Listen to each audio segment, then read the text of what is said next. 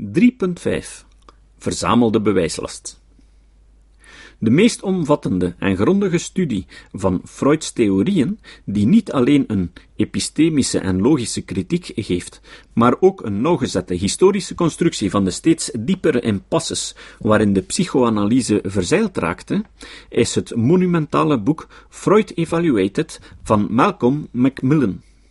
In dit werk toont Macmillan niet enkel aan op welke punten Freud tegen de wetenschappelijke deugden gezondigd heeft die hij zelf zo hoog hield en retorisch uitbuitte, het postuleren van niet falsifieerbare entiteiten, de koppige weigering om het epistemische kernprobleem van de suggesties ernstig te nemen, de verwarring van provisoire hypothesen en bewezen feiten, de verwarring van voldoende en noodzakelijke oorzaken, maar hij demonstreert eveneens dat ook de hedendaagse psychoanalyse nog steeds in hetzelfde bedje ziek is.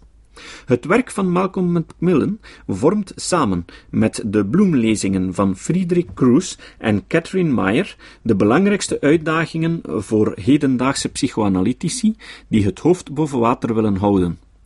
Voor we onderzoeken op welke manier de psychoanalyse zich tegen de kritieken immuniseert, die ik in de voorbije pagina's heb opgesomd, moeten we eerst nog een belangrijke vraag beantwoorden. Is de psychoanalytische theorie überhaupt falsifieerbaar? Hoe situeren haar immunisatiestrategieën zich ten opzichte van de theorie?